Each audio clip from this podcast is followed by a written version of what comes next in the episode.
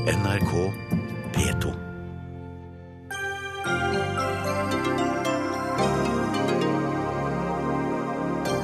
EU-debatten er død i Norge, men en ny debatt seiler opp. Ikke en brexit, men en nexit fra EØS.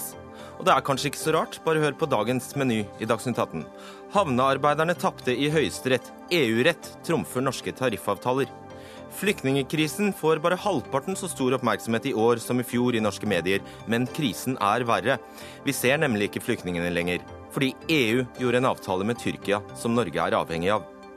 Og spillmonopolet opprettholdes i Norge, men EØS-avtalen gjør at utenlandske spillselskaper kan fortsette nøyaktig som før og ta stadig større jafs av den norske spillkaka.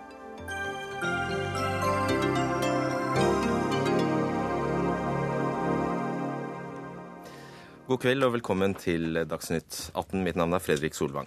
Ja, alle har vel en anelse om at EU har stor påvirkning på norsk politikk. Vi snakker ofte om hvor mange lover vi får fra Brussel, at EØS-avtalen er mer omfattende enn vi tror.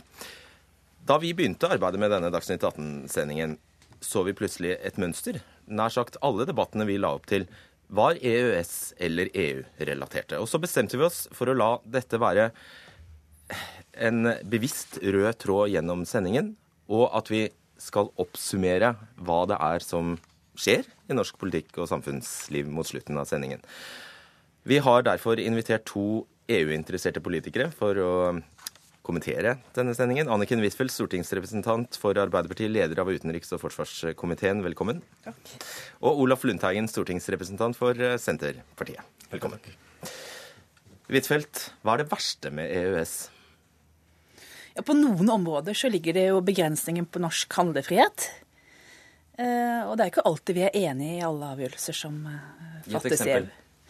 Ja, jeg skal være forsiktig med å eh, gjøre meg til dommer over Høyesterett, men den saken som kommer seinere i sendinga, som handler om havnearbeidere, er jo et eksempel som nok mange har reagert på, og som er helt dagsaktuelt. Lundteigen, vi har ikke jenket til debattene. Vi har, eh, vi har eh, tatt de debattene vi ellers ville ha tatt, og anvendt helt normale eh, utvalgskriterier og prioriteringer. Hva sier det deg da at det du vil oppleve, er at tre av fire debatter i denne sendingen vil kunne spores til EU eller EØS?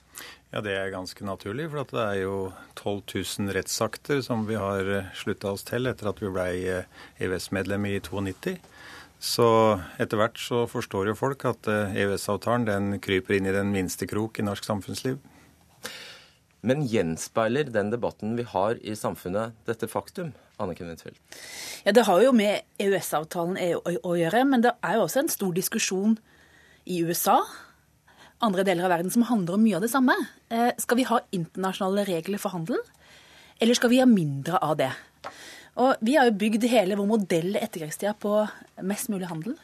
Men så ser vi at dette regimet utfordres fra både høyre- og venstresida, og årsaken er i veldig stor grad, i hvert fall slik vi har sett i USA, at frihandel er lønnsomt. Men det skader ofte arbeidstakere hvis du ikke har gode arbeidstakerstandarder. Da blir det en konkurranse om å tilby lavest mulig lønn. Så frihandelsmodellen den er jeg grunnleggende tilhenger av. Men det må suppleres med eh, velferdsstat og Jeg tror du får samme spørsmål. Gjenspeiler den norske samfunnsdebatten det faktum at EU og EØS egentlig preger så mange av sakene vi snakker om? Vi bare adresserer ikke den biten. Helt korrekt, vi adresserer ikke. Det er så mange diskusjoner på Stortinget Ja, hvor jeg merket at spørsmålet ble fryktelig ledende. etter tok- tok meg det. Men Nei, men altså Det er helt opplagt at uh, det du erfarer nå i denne debatten, er altså at tre av fire temaer det har en sammenheng med EØS-avtalen. Og det er det jeg erfarer på gjennom mine 15 år på Stortinget. At uh, det EØS-avtalen kom jo inn eh, veldig få ganger. hva er grunnen da til at vi ikke snakker om det? Fordi at det er et stort, stort flertall for det. Det er jo Arbeiderpartiet, Høyre og Fremskrittspartiet og KrF og Venstre er jo for det her sånn.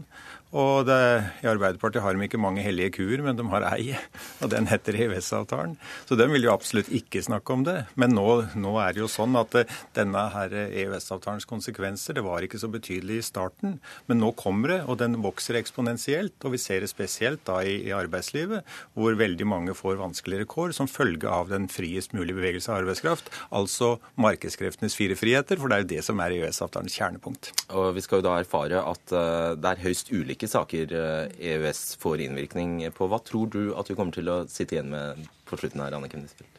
Ja, at internasjonalisering generelt, og EØS-avtalen spesielt, har påvirkning på mange deler av norsk eh, samfunnsliv. EØS-avtalen Og at det er bra, formoder jeg? Ikke alltid er vi enige i alle beslutninger, men EØS-avtalen har jo tjent Norge. Det at det er felles regler i Europa, det bidrar til mer handel. Det er nesten utenkelig i dag å si til ungdom at eh, du må søke arbeidstillatelse hvis du skal ta deg jobb i eh, Tyskland eller Frankrike. Det er jo friheter som den nye generasjonen ser på som helt selvfølgelig. Nå skal jeg be to uh, røynde politikere foreta seg det som antagelig blir pinefullt, nemlig å sette, seg ned og lytte til de andre debattene. Dere skal få ta plass over der, så fortsetter vi. Dagsnytt 18 alle hverdager klokka 18.00 på NRK P2 og NRK2.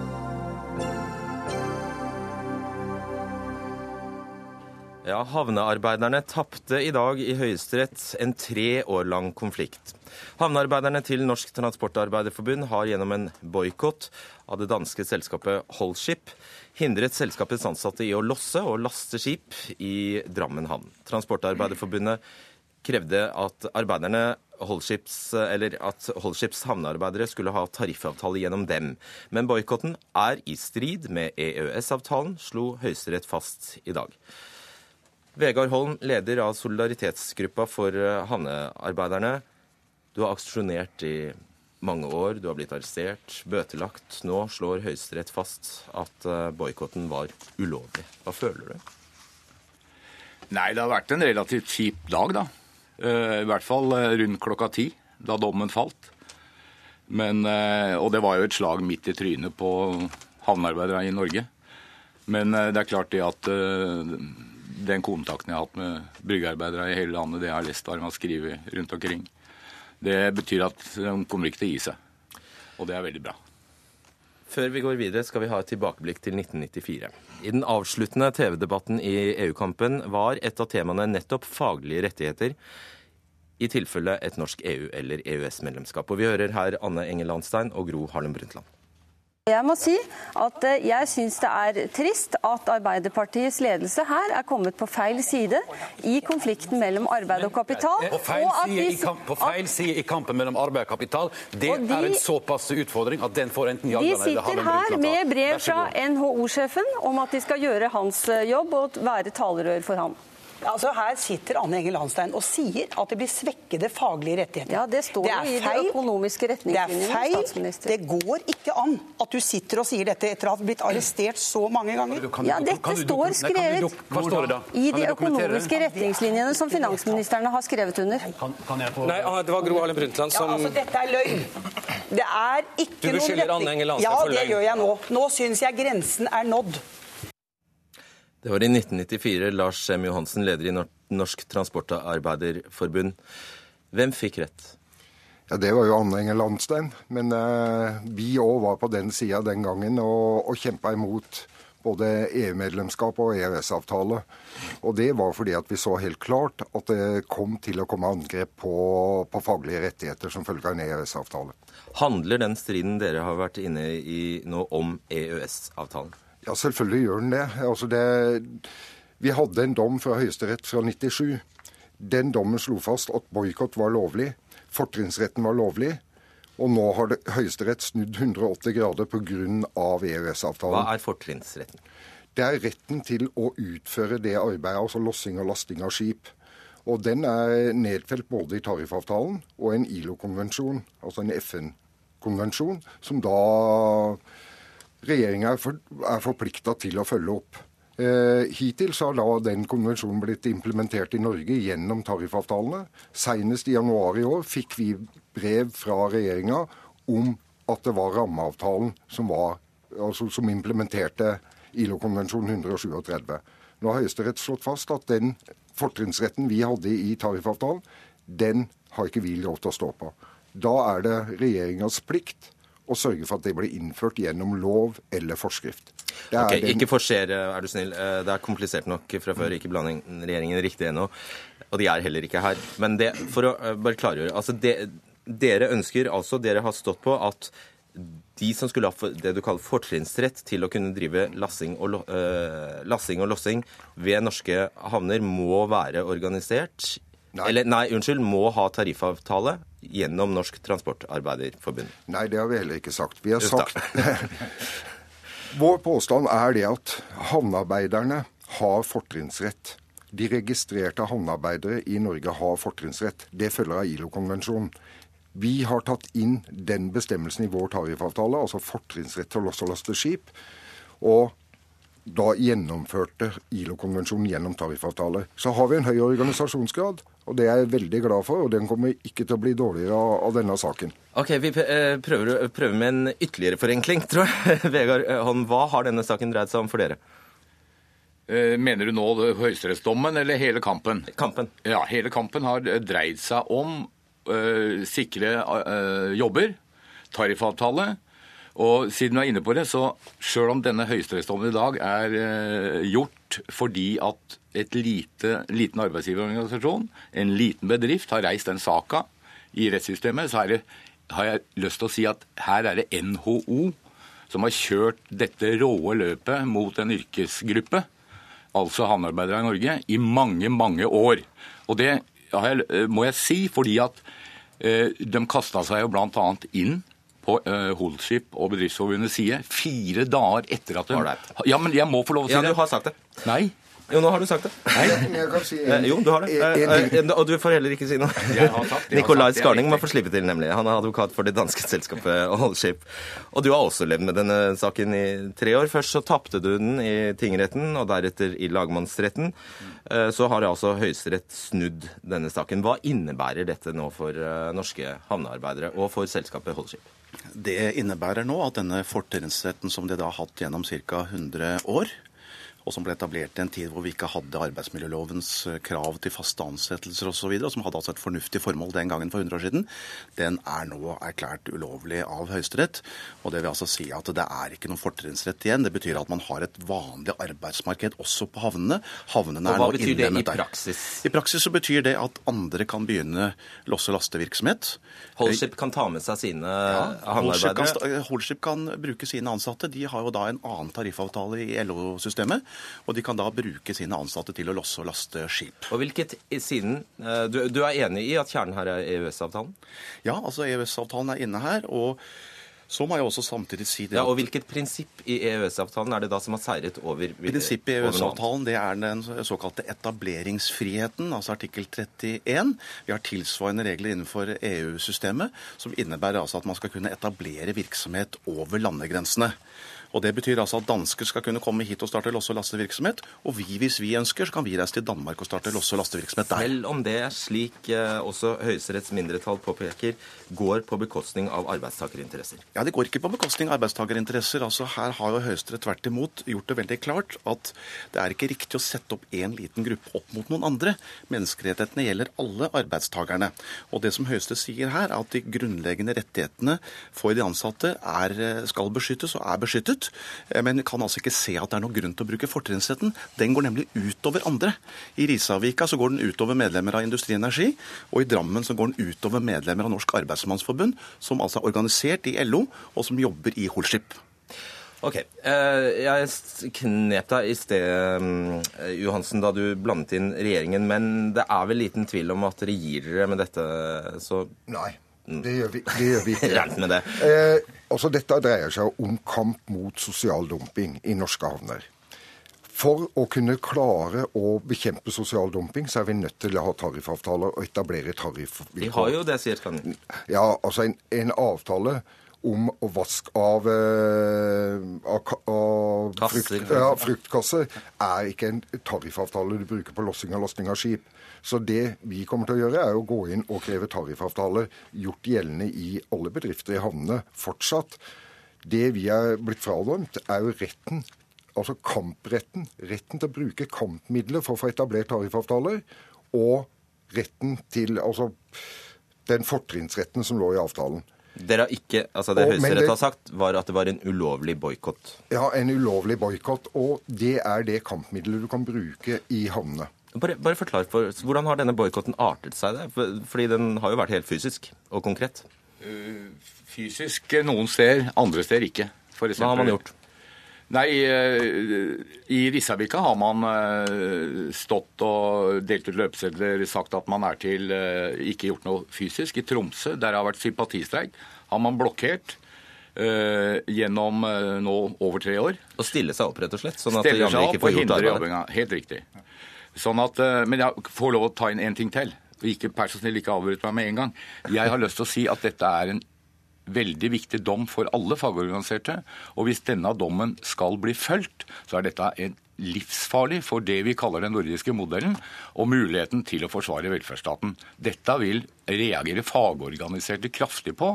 Det har vi sett i dag, og det kommer til å bli mer støtte til havnearbeidere. Fordi dere mener dette får smitteeffekt for andre tariffavtaler? Fordi at man har fratatt en arbeiderrett som man har hatt nå i 100 år, nemlig streikerett, kampretten. Her er den fratatt. Og det er alvorlig angrep på den nordiske modellen og velferdsstaten. Kan jeg bare få føye til en ting der? Eh, for I Holship så er det altså slik at Norsk Transportarbeiderforbund, og som vi ser med, med eh, disse to ekspertene fra Transportarbeiderforbundet, er en engasjert og flinke tillitsvalgte. Det vil altså si at folk som jobber på havnene, og som eh, kan gjerne melde seg inn i Norsk Transportarbeiderforbund.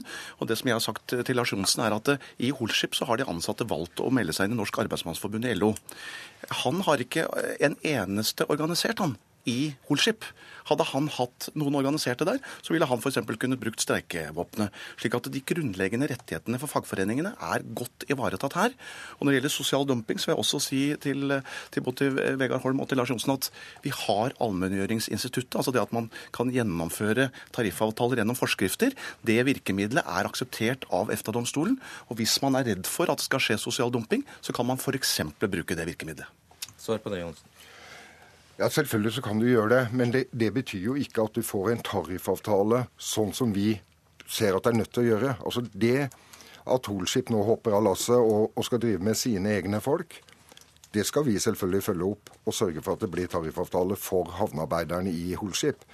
Men det er mange små firmaer som kanskje har ett anløp hver fjerde måned. Hvordan skal de kunne ansette fast?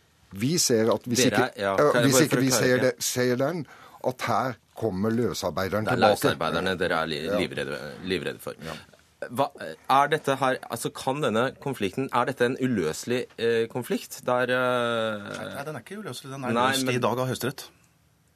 Ja, men de, du hører jo altså, de vil ikke, de vil ikke gi seg. Men, jo, men de må gi seg. altså Alle må gi seg. for Dette, dette er jo ikke en, en EU-domstol. Må ikke det, Skarning. Det jo da, altså Vi må bøye oss for Høyesterett. Og Høyesterett har sagt i dag at denne fortrinnsretten er uh, ulovlig. Så skal man stå på for mot sosial dumping og andre ting som dere gjør. Det, det støtter jeg dere i. Trengs. Og da er det den gjeldende rett i, i Norge, bare avklare advokat uh, ja. Skarning. Ja det er at EU-rett gjelder. Ja, altså EU-rett er ikke noe som kommer utenfra. Det er noe som er vedtatt av politikerne på Stortinget. Det er norsk lov. Høyesterett har nå bare fulgt eh, rett og slett eh, norsk lov og sagt at fortrinnsretten er ulovlig. Det betyr bare at havnene er inne i det vanlige arbeidsmarkedet. og Arbeidsmiljøloven sier at det skal være faste ansettelser, slik at de skal også ta godt vare på medlemmene til okay. Tariffavtalens fortrinnsrett er den Høyesterett tok tak i. Ja. Men ILO-konvensjonen sier registrerte havnearbeidere skal ha fortrinnsrett ved tildeling av havnearbeid. Det er en forpliktelse som den norske stat må følge opp. Ja, Men der har Høyesterett da... sagt at EØS-avtalen går for. Ok, vi er på overtid. Ja. Okay. Hjertelig takk skal dere ha.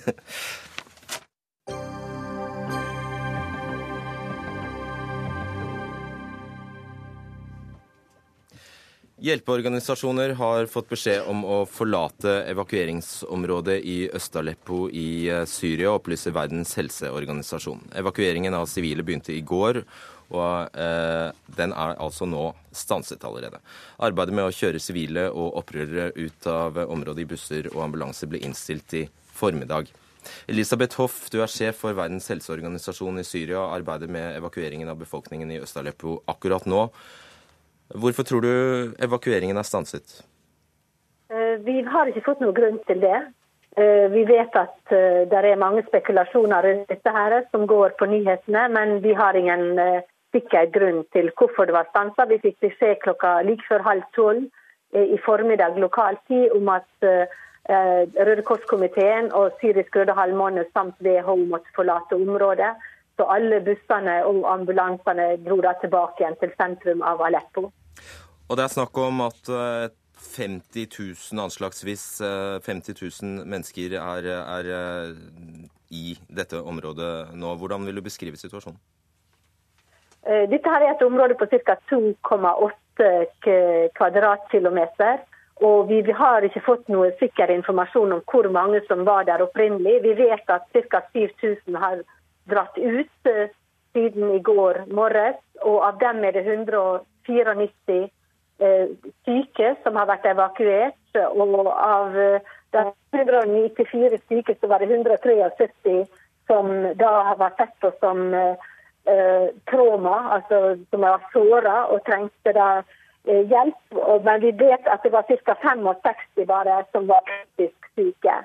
Og disse her har gått til forskjellige hospital i Idleb og i den landlige delen av Vest-Aleppo, altså eh, utenfor byen, da, som er fortsatt kontrollert av opposisjonsgruppene.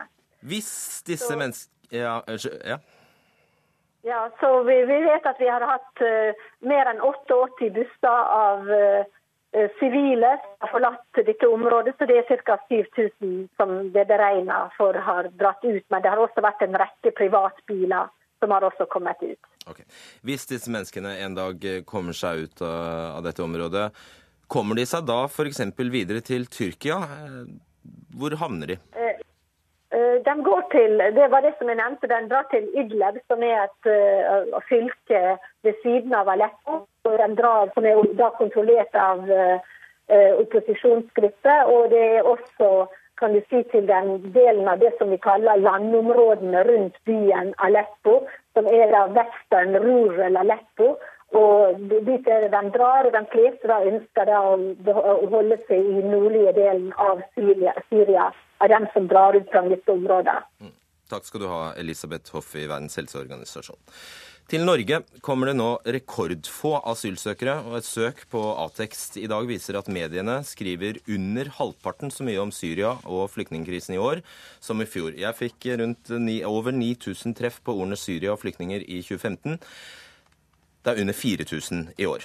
Det må vel bety at krisen er halvparten så stor i år som i fjor? Eller betyr det at EUs avtale med Tyrkia fungerer? At de andre europeiske ordningene vi er med i, som Schengen og Dublin, faktisk fungerer? Sebastian Stein, du er feltarbeider i Leger uten grenser. Er det sånn at krisen er halvparten så stor? Nei, på ingen som helst måte. Krisen er større i år enn i fjor. Eh, det som er forskjellen på i fjor og i år, er at det er færre som kommer til Europa. Eh, det kommer nesten ingen til Norge, som du sa. Eh, men det er ikke fordi det ikke finnes flyktninger og folk på flukt eh, her i verden. Det har faktisk vokst. Det er rundt 65 millioner folk på flukt i verden i år. Men de blir holdt ute utenfor Europa pga. EUs egentlig helt forferdelige politikk ved å stenge grensene. Og du er spesielt bekymret over at vi glemmer de som mister livet i overfarten over Middelhavet? Det er helt riktig. For eh, selv om det nå altså kommer færre over Middelhavet i år enn i fjor, betydelig færre, eh, så er det flere som totalt sett dør. 1000 flere mennesker har omkommet på Middelhavet i år enn i fjor. Eh, og det er jo helt forferdelig når man vet at det kommer 175 000 mennesker over sentralmiddelhavet. En økning på 20 000. Og så er det ned ca. 800 000 mennesker på, mellom Tyrkia og Hellas. Hvor mange mistet livet? 4800 ca. har mistet livet så langt i år på Middelhavet. Ok. Uh, Jan Pål eh, Brekke, Paul Brekke, seniorforsker ved Institutt for samfunnsforskning. Eh, du forsker på de politiske konsekvensene av flyktningsituasjonen som oppsto i 2015 i fjor. Hvordan har EU-avtalen som Stein viser til, med Tyrkia blitt uh, Hvordan har den blitt praktisert?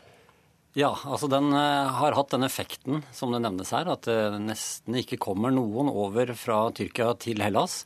Mens eh, trafikken nå er den midtre ruten fra Libya til Italia. Og det er andre grupper som kommer. Det tenker jeg er viktig å si, sånn at uh, lytterne hører det. Det, det betyr at det er ikke uh, Altså De som kom fra uh, Tyrkia til Hellas i fjor, det var hovedsakelig folk fra Syria og Irak og Afghanistan. Mens de som kommer den midtre ruten, er folk fra Afrikas Horn, Eritrea, Etiopia, Somalia. Og så fra Vest-Afrika. Ofte fransktalende land i Vest-Afrika sammen med Nigeria. Betyr det at syrerne er stuck? Det er det det betyr.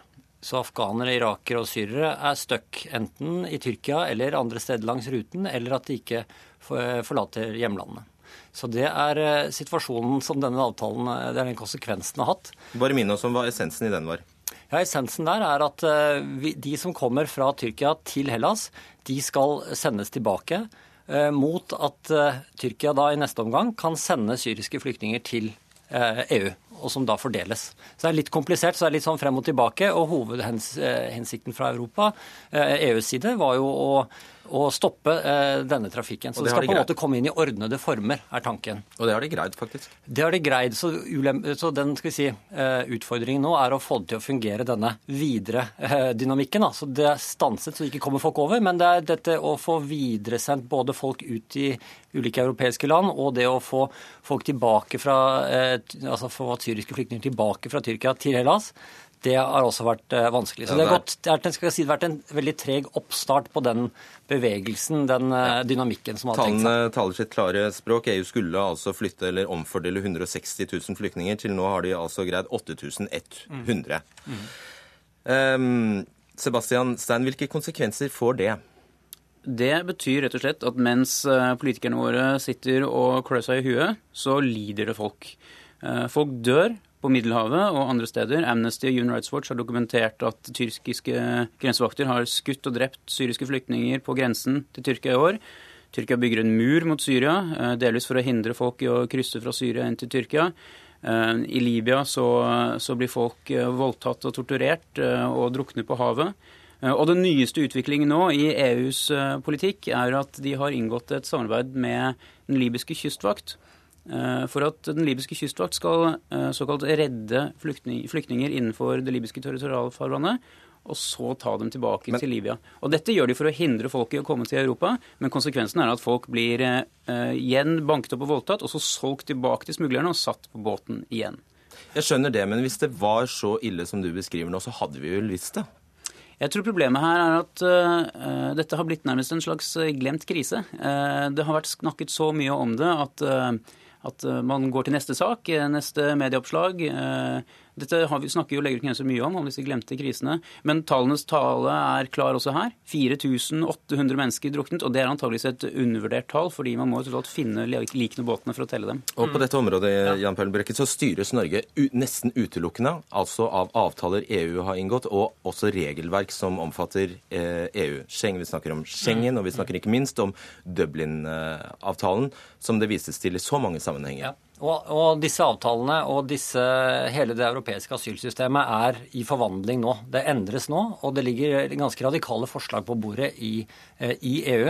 Eh, og Norge er interessert i å følge opp dette. Vi, vi, eh, den regjeringen som sitter nå, ønsker det sterkere samarbeid, en sterkere fordeling, en sterkere skal vi si, en felles styring i EU. Men jeg tenkte jeg skulle si, jeg tenker det er viktig og også se statenes uh, hensyn her, hvordan de tenker. Som forsker kan jeg gjøre det, og se både hensynet til enkeltskjebnene og til, til statene. For er, de er i en vanskelig situasjon, og det er vanskelig å få til et samarbeid.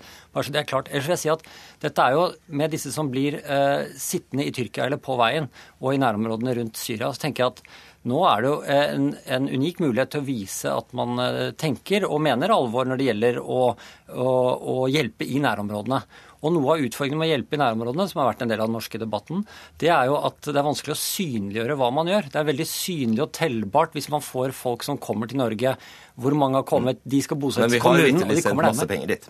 Så det, og det er, ikke det, som er, det, er ikke, det er ikke det det står på, tror jeg. Det er bare det å synliggjøre det og vise at uh, disse menneskene kan man hjelpe i uh, belastede nærområder. Kunne Norge, mener du Jeg har skjønt det sånn at du faktisk på ramme alvor mener Norge kunne ført en helt selvstendig politikk på dette området løsrevet fra EU? Ja, definitivt. Her, nå er det veldig mye å ta tak i her av det vi snakker om. Først, ja, du kan ikke ta alt. nei, men først statene i Europa, at de har det vanskelig, det kan kanskje oppleves sånn internt. Men eh, når man tenker at det fins tre millioner syriske flyktninger i Tyrkia med åtte millioner mennesker, så er ikke dette sammenlignbart engang med hva Jordan, Libanon, Tyrkia og andre land opplever av, av dette. Så, så, det må vi bare ha på det rene.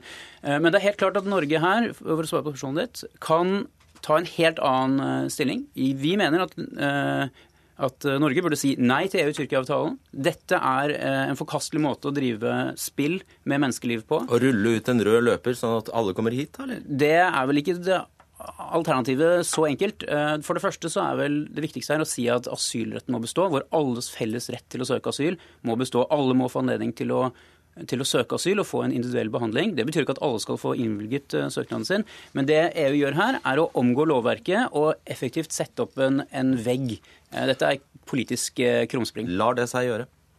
Uh, og nei, jeg, jeg, tenker at Nei, jeg vet hva var det du sa for noe? At, at, at Norge skulle forkaste uh, mm. si, altså sin deltaker, eller Norge skulle ja. jeg, jeg trå ut helt, av den avtalen? Jeg tror det er helt uh, uaktuelt at Norge skulle Norge, Jeg tror Europa opplever at de har fått et pusterom. Det man føler, og som Norge også føler på, og EU føler på, er at Tyrkia nå blir et så viktig land. Og den, skal vi si, den, når Erdogan sitter, den tyrkiske lederen sitter med hånden liksom på spaken og kan styre den asylstrømmen til Europa, så er det en veldig ubehagelig situasjon både for EU og også norske myndigheter. Man blir overlatt til den, til den situasjonen som er i Tyrkia, og til eh, ting som også ligger utenfor Europas kontroll, nemlig den politiske situasjonen i Tyrkia. Men her er jo hele problemet. Dette er jo EU-sentrisk. Vi må tenke på flyktningenes situasjon i denne saken, ikke hva den og den politikeren sier og mener. Det er jo helt irrelevant. Mm. Det er mennesker som dør og lider her. Ja, nettopp. Så da, da, det, det, hensynet peker tilbake på konfliktene, konfliktløsning og nærområdene er, eh, hvor statene er overbelastet, hvor det er,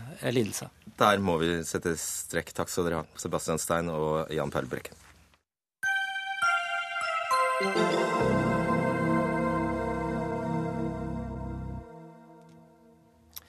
Vi fant én sak som vi ikke greide å knytte til EU eller EØS, og det er den som kommer nå. Muslimer får skylda når humanister klager på gudstjeneste og kristne juletradisjoner, hevder Vårt Land i dag. Det ble jo rabalder da det ble kjent at en skoleklasse i Stavanger har hatt julesanger på ukeplanen hvor ord som jul og niste var tatt bort. Bakgrunnen var at en del foreldre hadde ønsket et ikke-religiøst budskap rundt julefeiringen. Etter at muslimene fikk skylda i kommentarfeltene på nettavisene, måtte skoleledelsen presisere at det faktisk var snakk om etnisk norske foreldre, og ikke muslimske foreldre som hadde krevd dette. Og i Østfold fikk også muslimer skylda da skolen ville lage et jule julearrangement som også elever fra Jehovas vitner kunne delta på. Layal Ayub, du er samfunnsdebattant og skriver bl.a. hijab-bloggen. Hva slags reaksjoner får du når eh, denne typen temaer tas opp? Det, er jo folk som aldri er fornøyde, uansett hva vi gjør, eh, tenker jeg. Selvfølgelig er det mange som eh, også er fornøyde, men det er mange jeg vil kalle dem ekstreme høyreekstreme, kanskje, ekstreme rasister, som hvis du feirer jul og deltar i skolegudstjenester og julesanger og juletrær og sånn, så Eh, kommer de med eh, kommentarer som 'du tar jula fra oss'. Og så velger du å ikke delta, så kommer de med kommentarer som eh, 'du er i Norge og du må integrere deg mer, og her feirer vi jul', osv. Har dette med Human-Etisk Forbund å gjøre? Jeg føler at det, når de kommer ut i media og f.eks. sier at de ikke vil ha julesanger og sånn, så presiserer de ikke godt nok hvem de er, hvem det er som ønsker det, og så gjør det at når saken kommer ut på nett, så er det alltid muslimene som får skylda. Ok. Rådgiver i Human-Etisk Forbund, Lars Petter Helgestad. Er du enig i at uh, dette problemet kan være reelt? At muslimene får skylda når et eller annet sekulært uh, krav framsettes? Ja, det ser vi jo på nettet, i kommentarfeltene. Det er veldig ofte muslimene som, uh, som får skylda for noen av, noen av sakene som vi har vært opptatt av. Da burde du kanskje holde kjeft? Ja, det hadde blitt litt vanskelig, tror jeg. Um, vi har jo vært opptatt av religion og hvordan det fungerer i skolen i Norge siden altså mange tiår før det kom muslimer til Norge. Vi kommer ikke til å slutte med det, selv om det er noen som tar feil på internett. Så dere, dere fastholder at dere kan føre den samme prinsipielle motstanden som dere har gjort som du sier, i 50 år i Norge, uten å ta hensyn til at det har kommet en helt ny gruppe mennesker i Norge som nå får all dritten. Ja, det er jo ikke vi som legger uh, dritten ja, men Hvis det er det dere virvler opp? Nei. Um, det, det, Vi må klare å, å, debattere disse tingene videre. Og være tydelig på hva Human-Etisk Forbund står for. Vi tar gjerne skylda og æren for diskusjonen om religionsutøvelse i skolen. Mm. Er det ikke litt drøyt at man ikke skulle kunne fordre av folk at uh, Og jeg nekter å bruke ordet to tanker i hodet samtidig, men at man ikke skulle kunne fordre at man ser forskjell på et helt prinsipielt standpunkt der man ønsker at skolen skal være religionsfri, og det at man ikke liker muslimer? Jo, altså, Poenget er jo at det selvfølgelig finnes muslimer som også ikke ønsker at barna sine deltar på religiøse handlinger, men uh, muslimene problematiserer ikke disse tingene. Uh, og så når humanetikere kommer ut i media og lager problemer ut av det, eller uh, ikke lov å synge julesanger og ikke lov å gå rundt juletreet, og ikke, ikke, så, så presiserer de aldri hvem de er. eller kanskje de gjør det, men ikke stort nok at folk flest får det med seg. For hvis du leser kommentarfeltene, det fins folk som vet at det er humanetikere, men Mesteparten av kommentarene er retta mot oss. Jeg må spørre deg, Har du selv opplevd at humanetikere forventer av deg at du på en måte skal stå på samme side som dem? Ja, eh, i fjor da jeg skrev at jeg sender med glede min datter i skolegudstjeneste, eh, så hadde vi diskusjon på TV og i aviser hvor humanetikere sier at du som muslim burde egentlig eh, stå på vår side og på en måte nekte ungen din å gå dit. Og så er jeg sånn at jeg er ikke bare pro jul. Jeg er pro alle religioner, alle religiøse feiringer, og jeg vil at min datter skal delta på alt, på samme måte som andre barn skal delta på våre feiringer. Altså Ved Nylund eh, skole så hadde elevene øvd på julesanger der ordet jul og nisse var eh, fjernet. Og det var fordi foreldreutvalget ønsket sitat, en mest mulig inkluderende julesamling der færrest mulig elever meldte avbud. Er det generelt, mener dere, en god idé å dempe bruken av eh, kristne ord og begreper i skolen?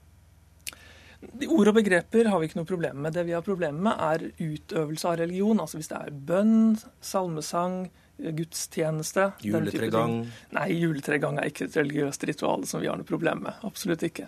Sønnen min har vært på nissefest i barnehagen i hele dag, utkledd med rød topplue. Jeg var på Lucia-feiring tidligere denne uka. Dette har vi veldig veldig avslappa Så det koker egentlig ned til julegudstjenester, dette her? Mer eller mindre? Ja, det er først og fremst gudstjenestene som er det store problemet. Gudstjenesten i skoletida. Og der har ikke du noe problem? Nei, jeg føler at min datter har bare godt av å dra og se hva andre barn eh, feirer og praktiserer og tror på. Eh, det, hun vokser opp til å vite at folk er forskjellige. Hun blir ikke mindre muslim av å dra i skolegudstjeneste, tenker jeg. Nei, selvfølgelig ikke. Eh, men så er det foreldrene som tolker dette på forskjellige måter. Mange av våre medlemmer ønsker ikke at barna deres skal delta på gudstjeneste hvor det er en tilbedelse, bønn osv. Ikke fordi de er redd for at de blir kristne, men fordi de mener at skolen må klare å skille mellom kunnskapsformidling, som er undervisning, og deltakelse i religiøse ritualer. Uh, jeg har bare lyst til å uh, Altså, kan det ha skjedd, uh, Lars Petter Helgestad, at dere skyver muslimene foran dere burde Altså, jeg har to eksempler her. Kristin Mile har sagt at muslimer må få ha egne skoler hvis kristne får ha det. Jens Brun Pedersen reagerte i 2011 da en Drammen-skole oppfordret muslimer til å delta på skolegudstjenesten. Da gjør dere egentlig det, skyver muslimer foran dere.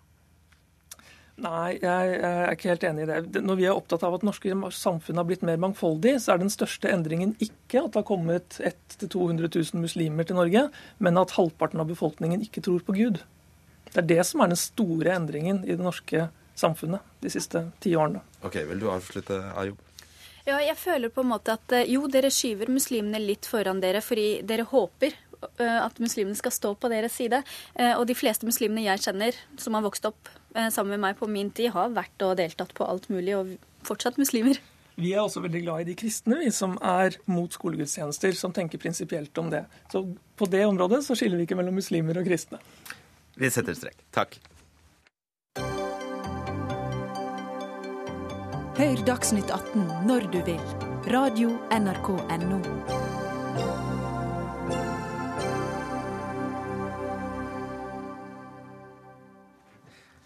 I dag la regjeringen fram sin melding om spillpolitikken her til lands, som bl.a. betyr at utenlandske spillselskaper ikke får lisens til å drive i Norge. Alt for å verne om enerettsmodellen, eller monopolet om du vil, til Norsk Tipping.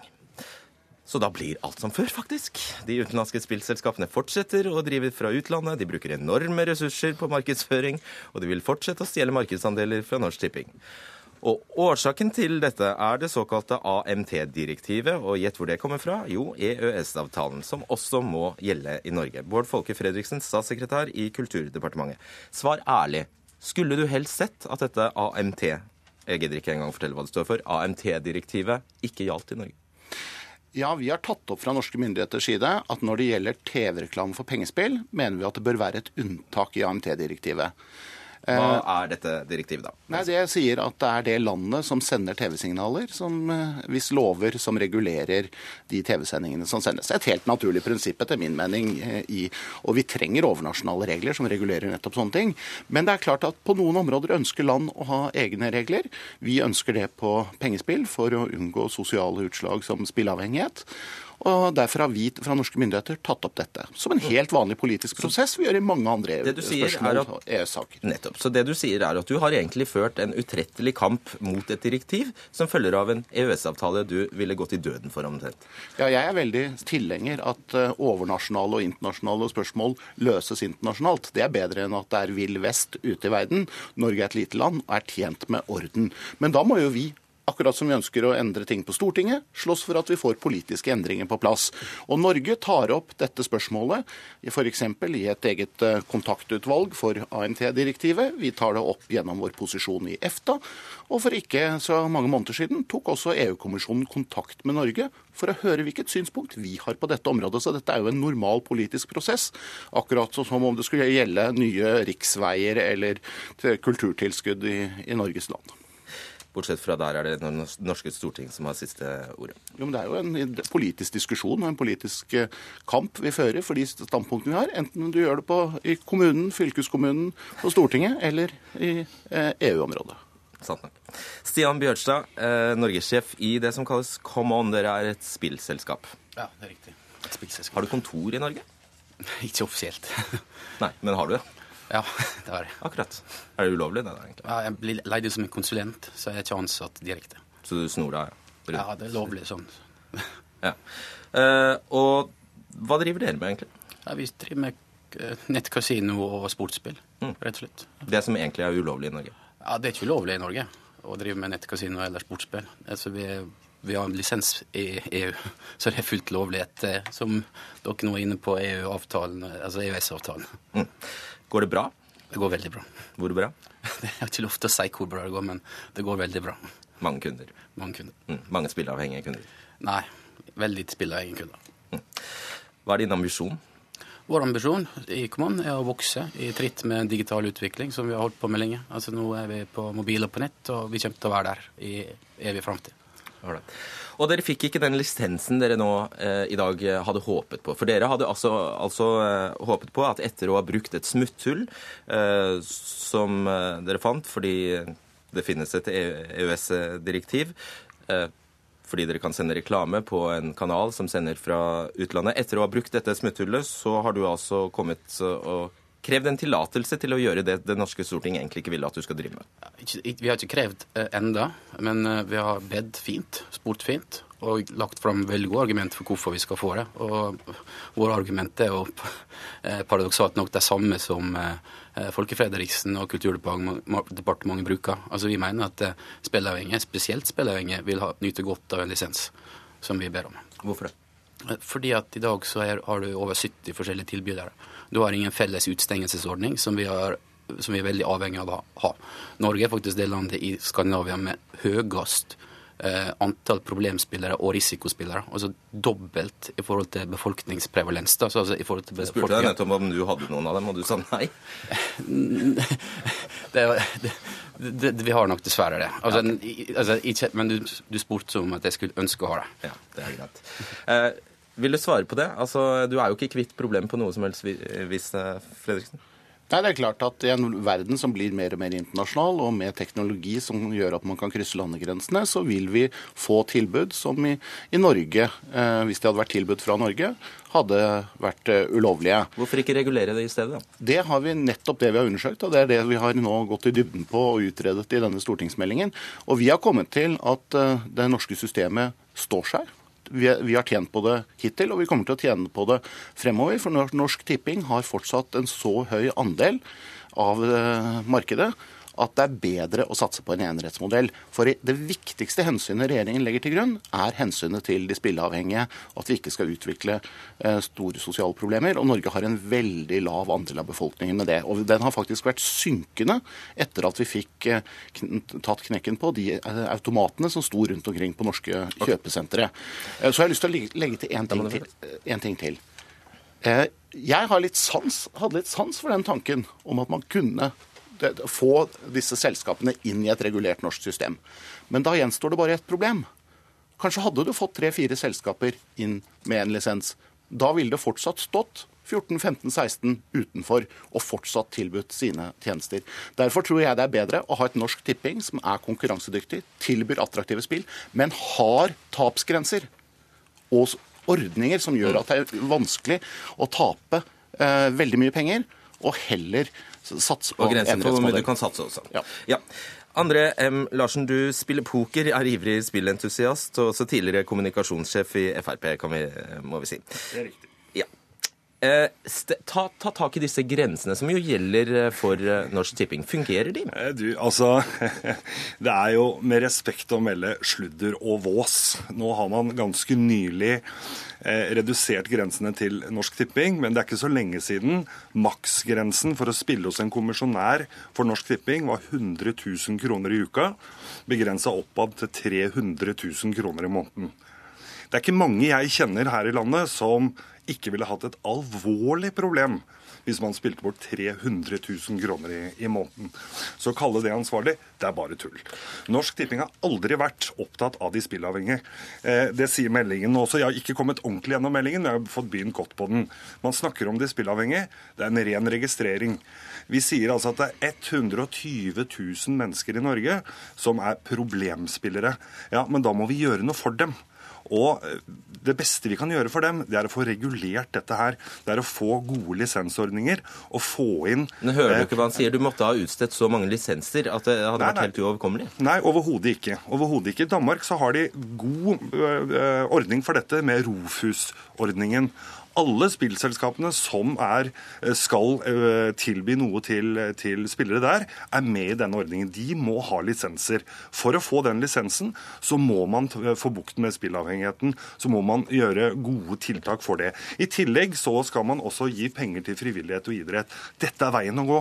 Men fordi vi i Norge har hegna om Norsk Tipping i så mange år, så har norsk idrett gått tapt av veldig mye penger gjennom mange år. Eh, Bjørn, ja, du skal svare. Må for bare for det med Don Ah, ja, du vil ikke høre på meg. Nei, jeg syns ikke eh, Larsen kan snakke om tapsgrenser som har vært for lenge, lenge siden. I dag er det jo innført veldig strenge tapsgrenser. Vi kunne godt tatt dem høyere eller lavere. Dette er bare et spørsmål om det, lønner seg å få dette kanalisert inn i regulerte norske former, enn at det forsvinner ut. Jo, men det, okay. det er helt poenget ligger der. Fordi altså, når, når, når nettmarkedet består av 60 av utenlandske spillaktører, Norsk Tipping har 40 av det markedet. Og disse aktørene de forholder seg ikke til norsk regelverk i det hele tatt. Hvis vi får dem inn i en lisensordning, ja da kan vi påtvinge de disse, Nei, disse da ordningene. er det Bjørnstads tur. Hva hadde du gjort med en sånn lisens? Med en sånn lisens, da hadde vi vokst. Vi hadde uh, fulgt den, naturligvis. Altså, det hadde vært bra for forretning både for oss og for de spilleavhengige. Men litt tilbake til det med Danmark. Danmark har kun 10% flukt, mens vi har, som melkejobb korrekt påpeke 60% flukt akkurat per nå. Med, Hva med flukt, mener du? Altså folk som spiller uregulert i Danmark. Eh, Og angående kan det- altså, du, du kan spille på x antall kort, og 10 000 kroner for en som går på trygd, eventuelt noe annet, er fortsatt veldig mye penger. Så pengesum, det er sånn Er du som driver et selskap fra utlandet bekymret for flukt?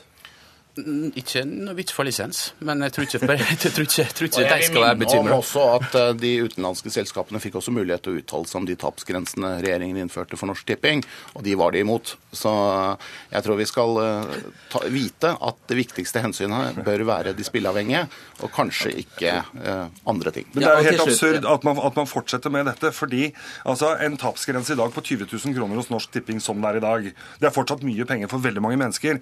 Men poenget er, hvis jeg er spillavhengig og kan tape 20 000 på en måned Etter første uka så har jeg spilt bort 20 000. Tror du da jeg slutter å spille? Selvfølgelig gjør jeg ikke det. Da går jeg til de utenlandske spillselskapene. Det betyr Norsk Tipping eksporterer problemspillere ut, ut i den farlige verden. Det må vi stoppe.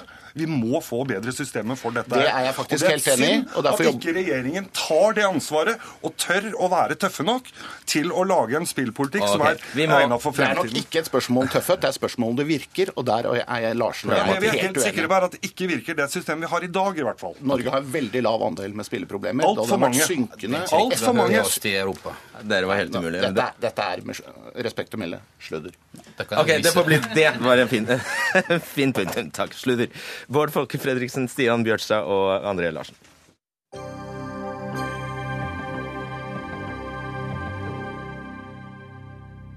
Ja, enten, da, enten du da er havnearbeider, flyktning, gambler eller noe helt annet, EU påvirker livet ditt, enten du vil eller ei. Det har vi vel eh, skjønt nå. Tilbake i stolene er våre EØS-kommentatorer. Eh, Per Olaf Lundteigen, eh, hva viste dette deg? Nei, Det viste at den beslutningen som Stortinget fatta den 16. oktober i 92, altså hvor flertallet sa ja til EØS-avtalen, det påvirker det norske samfunn mye, mye mer enn det folk flest er klar over. Og det skaper en rekke problemer. Fordi at det er markedskreftenes fire friheter, altså fri bevegelse av arbeid og, og kapital som de viktigste, som da fører til en sånn ubalanse og usikkerhet og utrygghet i Norge. Og det er veldig beklagelig. Det siste vi hadde nå om spilleselskapene, altså at Norge ikke kan eh, ha regler for at TV-reklame for spill, eh, pengespill skal forbys i Norge, som følge av EØS-avtalen. Ganske beklagelig.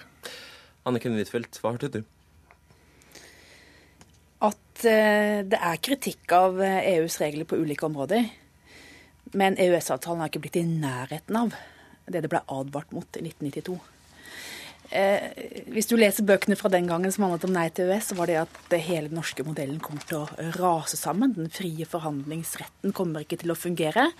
Sannheten er jo at på mange områder så har EØS-avtalen styrka arbeidstakernes rettigheter, styrka forbrukerrettigheter, styrka miljøstandarder.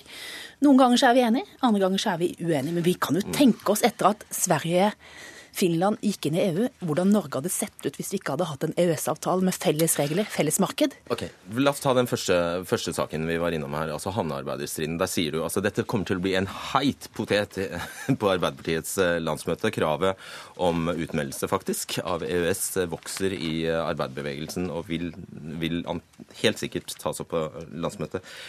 Gro Harlem Brundtland, hørte du, sa det er løgn at EØS-avtalen vil eh, kompromittere faglige rettigheter. Hva sier du?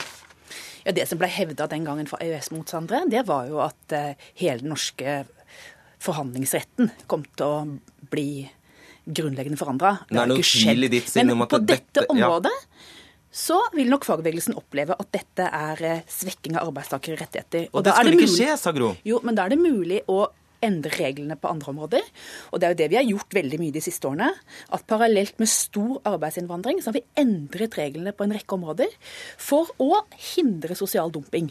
F.eks. det som ble nevnt her, at du kan det som- kalles å allmenngjøre tariffavtaler, nemlig at alle skal få Og tariffavtale da må du stole på at vi har et veldig velutrustet øh, og kompetent arbeidstilsyn som må farte Nei. rundt og sjekke hele tiden. Nei, ikke arbeidstilsyn, men det du trenger, det er sterk fagbevegelse.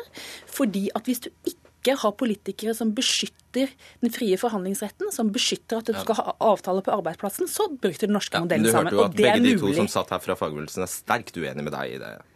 Jo, men det er mulig å endre loven for å beskytte deres rettigheter i sterkere grad enn i dag. Burde ikke konklusjonen av de sakene vi har hørt eh, i dag, Lundteigen, faktisk være å melde seg inn, sånn at vi får politisk innflytelse over disse sakene vi uansett får tredd nedover huet? Jo, det er noen som mener det at en bør gå inn som EU-medlem. Men problemet er jo at EU sitter i et skårfeste.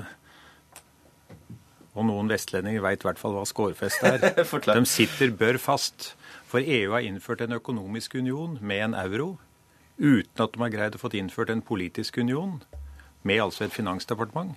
De har en felles valuta uten å ha en felles politisk ledelse. Det er jo nødt til å føre til problemer. Ingen andre steder i verden har jo gjort noe tilsvarende. Jeg har med meg her en bok om det norske paradoks, som er skrevet av alt annet enn EU-tilhengere. Og her står det at eh, det EU som vi har, det er et eksperiment uten forbilde, som vi er vitne til i Europa. Så det må vi for all del holde oss vekk fra, og det sier jo det norske folk. Men EØS-avtalen, her har vi dokumentene. Til denne debatten så har jeg forberedt meg med å gå til kildene. Her har vi det dokumentet som ble behandla da. Her står det om hva som skulle skje. Og det som er kjernen i det dokumentet her, sånn stortingsmelding 100 fra 1992, er at den er usedvanlig upresist, det som er skrevet. Her har vi det som eh, Anniken Huitfeldt sier er da nei-sidas dommedagsprofetier. Det kommer fram her av innstillinga. Her kan en lese sjøl hva som Senterpartiet har sagt. En sa bl.a. her sitat det er fortsatt uklart hvilken betydning som rettskilde dommer fra norsk høyesterett vil få i EFTA og EF-domstolens vurderinger. Det er jo helt korrekt. Vi har jo nå en sak om verftssaken, hvordan norsk høyesterett har sagt at den allmenngjorte tariffavtalen for verftsarbeidere skal gjelde kost og losji og reise. Og så kommer pinadø ESA og sier at en overstyrer norsk høyesterett.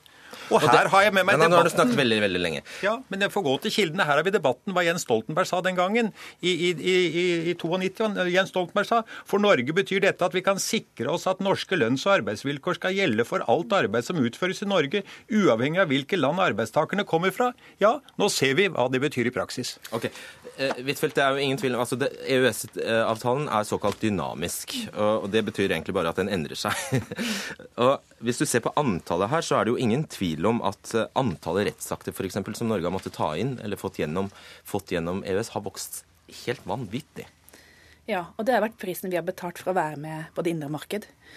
Og det er nesten umulig å tenke seg en situasjon hvor vi skulle ha helt andre regler enn resten av Europa uten å få tilgang på deres marked gjennom EØS-avtalen. De aller fleste regler Men da får er vi dem bare, og du sitter her på Stortinget og får ikke gjort noe. Eh, vi har en del påvirkning der.